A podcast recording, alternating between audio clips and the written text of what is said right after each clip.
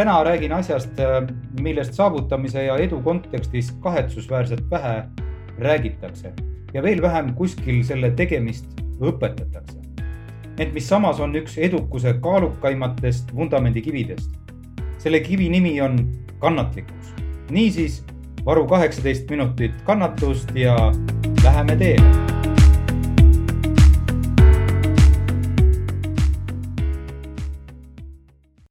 minu naise Pilatese õpetaja rääkis talle, et äh, inimesel on eluks kindel arv hingetõmbeid. sündides hingame sisse ja siit ilmast lahkudes hingame välja.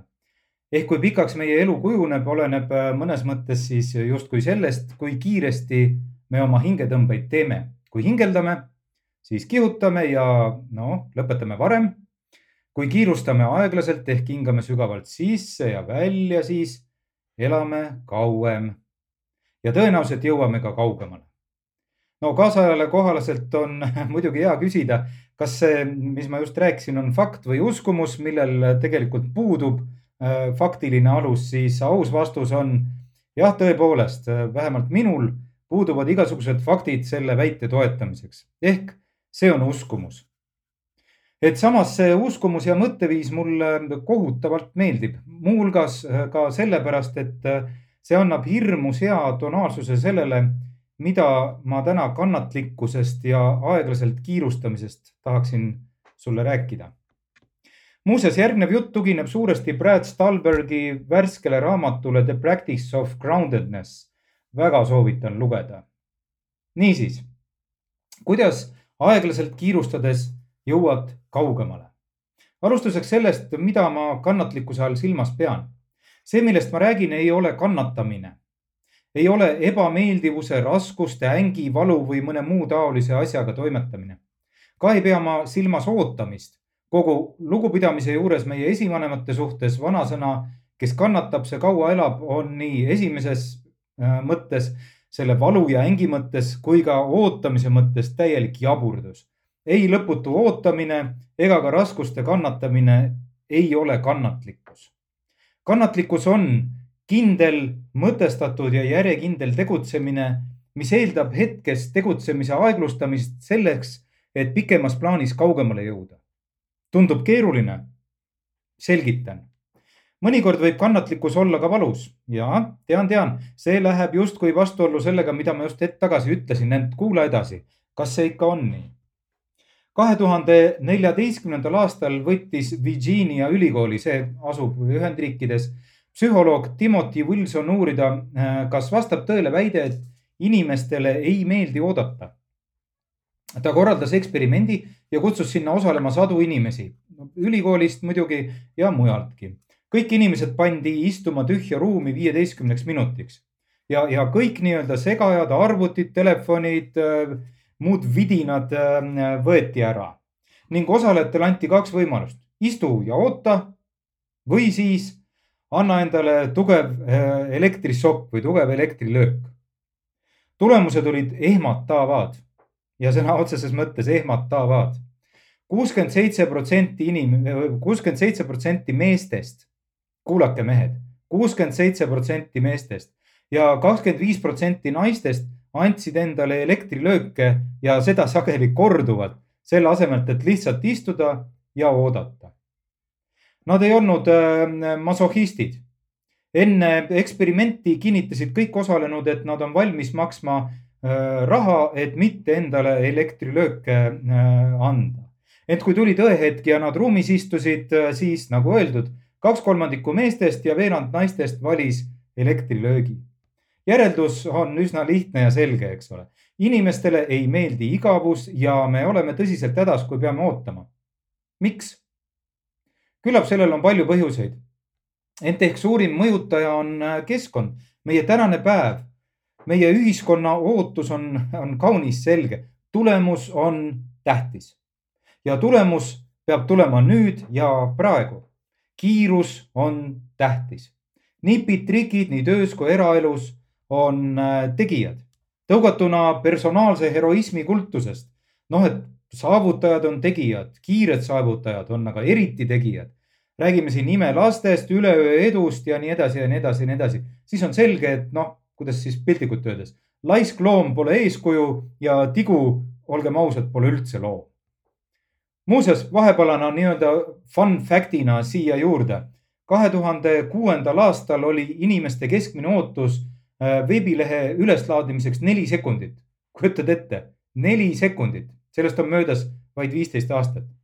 juba aastal kaks tuhat kaksteist oli aga ootus kahanenud kahele viiendikule sekundist ehk sisuliselt silmapilgutus ja leht peab olema olemas. Pole mingit põhjust arvata, et see kiiruse ootus või ka kultus kaoks, pigem vastupidi, see süveneb, vaadates ootuseid ja arenguid tehnoloogias ning selle mõju meie käitumisele. seega kannatlikkusele on leidunud vääriline vastane, meie enda uskumused ja käitumused, mis on ühiskonna ootuste tagajärg ja ometi me ju teame, me ju teame, mõelge ise oma peaga, nagu on moodne öelda, et üleöö edu võtab aega aastaid. olümpiavõitjaks ei saa aastaga. miljoni eurost äri ei tee aastaga. Kui me mõõdame ühiskonna ootustele eh, kohaselt edu, eks ole, nende, nende nähtavate või, või teistele silmapaistvate saavutustega ent edasiminek mis tahes valdkonnas on sageli ja võiks öelda enamasti aeglane. enamasti tuleb piisavalt kaua olla lihtsalt järjekindel, piisavalt panustada, piisavalt ähm, äh, sellega tegeleda, saada läbi või jalutada läbi nii-öelda äh, pettumuste orust. see on siis hetkedest, kus me oleme juba pannud sisse nii palju energiat, raha, emotsioone, aega ja veel palju-palju asju ning äh, tulemus meile tundub, ei ole sellega kuidagi proportsionaalne ja samas see, mis tundub paigalseis, ei pruugi seda üldse olla. me tegelikult liigume, aga me tegelikult liigume lihtsalt teosammul. intellektuaalselt on see eelpool mõte muidugi huvitav, et päriselus võib see platool rassimine olla pagana keeruline aeg, mis toob sageli välja sisemised vastuolud ja, ja toob välja ka äh, need põhjused, miks me seda ikkagi teeme. kas, kas need põhjused on piisavad ehk lühidalt öeldes vaimselt on see platool rassimine päris, päris raske aeg. kannatlik, kannatlik peab olema ja ootama mingis mõttes, eks ole. Äh, ning siis võib juhtuda see, mida me oleme oodanud, läbimurre. Eriti nähtavalt no,, nähtavad on sellised läbimurded spordis. oled jooksnud siiani pool maratoni, noh, ma ei tea mõtlen enda peale üks kolmekümne nelja, üks kolmekümne viiega ja nüüd järsku põrutad alla ühe kolmekümne. no mina pole seda veel suutnud, eks ole. aga, aga hüpe oleks tuntav. Või, või võtame midagi muud, oled siiani teinud nelikümmend kätekõverdust ja, ja viimased on ikkagi olnud tõsine punnimine ja nüüd järsku hollaa, viiskümmend kätekõverdust, täiesti uus tase, eks ole. milline, milline hüpe. samasuguseid hüppeid tegelikult me näeme ka mujal äris räägitakse mõnikord sellest nähtusest kui hokikepi efektist ehk tükk aega on see nii-öelda tulemuste joon peaaegu horisontaalne, mitte mingit muutust. Eh, kui siis järsku on murdepunkt ja kasv muutub eksponentsiaalseks. kõik see jutt on teoorias ilus, tundub, et läbimurre on vaid aja ja kannatlikkuse küsimus ja päriselus seevastu, päriselus on läbimurre tegelikult enam või vähem prognoosimatu aastal kaks tuhat kaheksateist avaldati uuring, mis ütles, et äh, enamikel inimestel on tööl ja karjääris hetki, õigemini perioode, kus nad tunnevad, et nad on nii-öelda voos, kui inimesed teevad äh, tulemusi, mis on oluliselt paremad kui nende nii-öelda tavaline keskmine. ja teadlased lisasid, et samas on nende perioodide prognoosimine ülimalt keeruline. Nende teke on pigem juhuslik.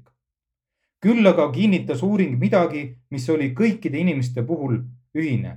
igale nii-öelda kuumale perioodile, igale vooperioodile eelnes periood, kus äh, edasiliikumine oli oluliselt väiksem, sammud olid äh, pisemad äh, ja, ja seevastu sinna panustatud energia oli ikka samasugune. kui inimesed oleks lõpetanud tegemise, vahetanud karjääri liiga vara, siis poleks nad kunagi jõudnud sellesse niinimetatud imelisse vootundesse ehk nad pidid harjutama kannatlikkust, tõdesid teadlased.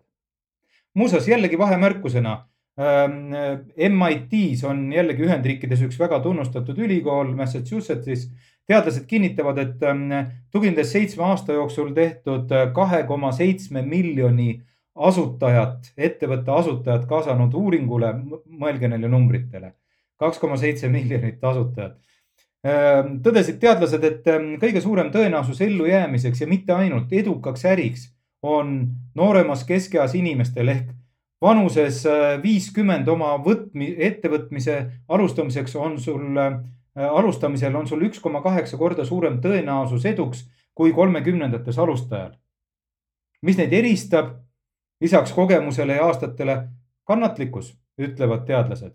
eluga kaasnev kannatlikkus, kannatlikkus teha neid samu liigutusi, olla järjekindel ja nii edasi ja nii edasi. Nii et äh, heroilised lood äh, imelastest, kahekümnendatest, äh, miljonäridest ja miljardäridest on küll toredad. päriselu uuring ütleb midagi muud muidugi on olemas ka riskid, no Einsteini kuulus rumaluse definitsioon teha täna samu asju, mis eile ja oodata homme teisi tulemusi, pädeb endiselt. ent noh, risk kinni jääda millessegi, mis tegelikult ei vii kuhugi, on täitsa olemas ja täiesti reaalne.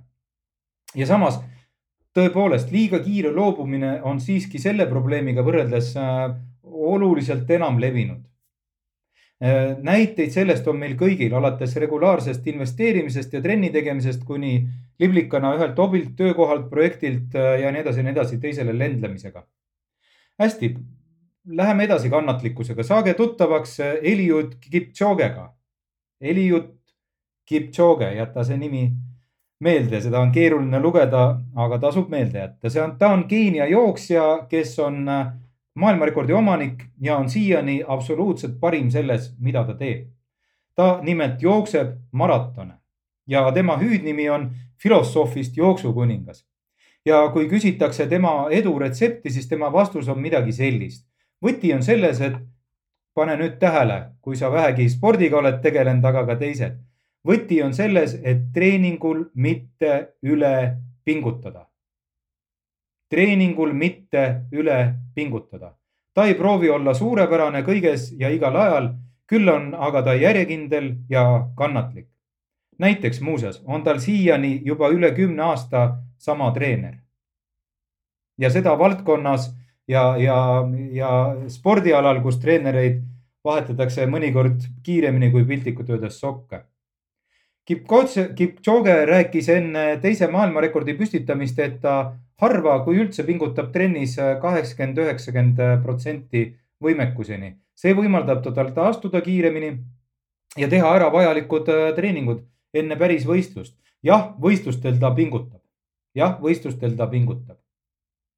Äh, ta on ka maailmameister sportlaste seas harva esinevast mõtteviisist lasta asjadel juhtuda, selle asemel, et neid nui neljaks juhtuma panna et see anna endast sada kümme protsenti ja no pain, no gain ei kehti tema puhul ja see on ausalt öeldes jaburdus. tema treener, mees nimega Patrick Sang ütleb, et Kipchoge kiiruse saladuseks on samm-sammuline areng ehk aeglaselt ja vähe. Äh, tahan joosta puhanud peaga, ütleb Kipchoge ja muuseas, ta on mees, kes joostes naeratab, kui sa ei usu, guugelda, vaata pilte meenutan neid pilte vaadates, on sul hea meeles pidada, et ta jookseb maratone. Need on päris pikad asjad. muuse- ja Kipchoge lisab, et eh, ma proovin joosta oma isiklikku parimat, kui see on maailmarekord, siis ma olen selle üle rõõmus. ning eh, mis veel on temaga seotud ja millest räägitakse, on kergus. kergus on sageli kannatlikkuse nii-öelda kõrvalnäht me tunneme seda siis, kui oleme voos, oleme selles hetkes, lastes asjadel juhtuda omal ajal püsides kannatlik ning proovides mitte jõuga vajutada ja kiirendada protsessi. ja huvitaval kombel selle tunde vastand on põnevus. põnevus kitsendab fookust ja suunab tähelepanu tulevikku. jah, ka möönan, ka põnevust on vaja, ent selle ülemäärane kogus viib meid ajast ette, viib meid äh, kinnisideeni.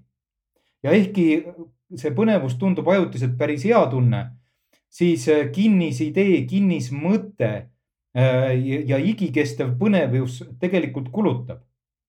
sest see on ka pidev millegi ootamine, lõputu ootamine. ja see ei ole tore tunne. ja nagu öeldud, see, see äh, kitsendab meie fookust ja me ei suuda enam olla äh, avatud nii-öelda keskkonnamõjudele, me, me, me ei suuda konteksti enam aimata ja nii edasi ja nii edasi. ja selle maratonari analoogia pole niisama valitud Äh, ma olen ka enda töökogemusest näinud sportlasi, kes sagedasti treenereid ja metoodikaid vahetavad.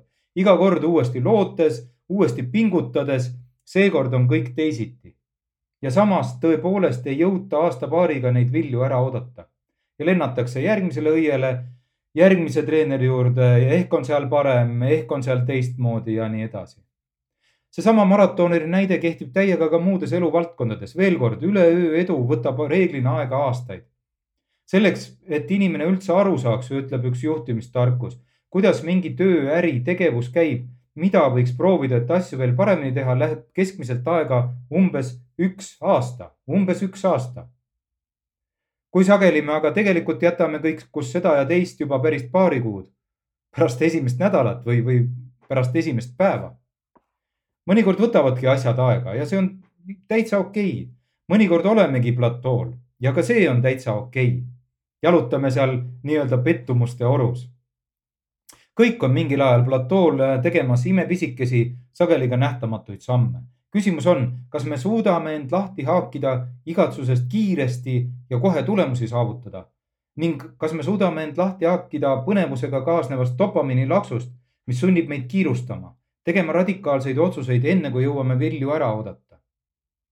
seega võib-olla on mõnikord sootuks parem strateegia näiteks midagi sellist, mis on tuntud spordimaailmast, et üks kordus vähem. ehk meenutades jälle maailmarekordimees Kipchoget, tee kaheksakümmend, üheksakümmend protsenti, ära pane iga päev sada või sada kümme protsenti. ma ausalt öeldes ei teagi, kuidas see viimane üldse võimalik on, sada kümme protsenti. kui üksteist on sinu maksimumkorduste arv, mida jõuad teha, siis tee kümme. kui kolmteist on sinu maksimumlõikude arv, mida suudad teha, siis tee kaksteist võistlused on see koht, kus pingutada. seal on, seal on see koht, kus teha see, mis sul hetkel olemas on, eks ole. muuseas, see pädeb ka väljaspool sporti, kirjutad artiklit, proovi lühemalt.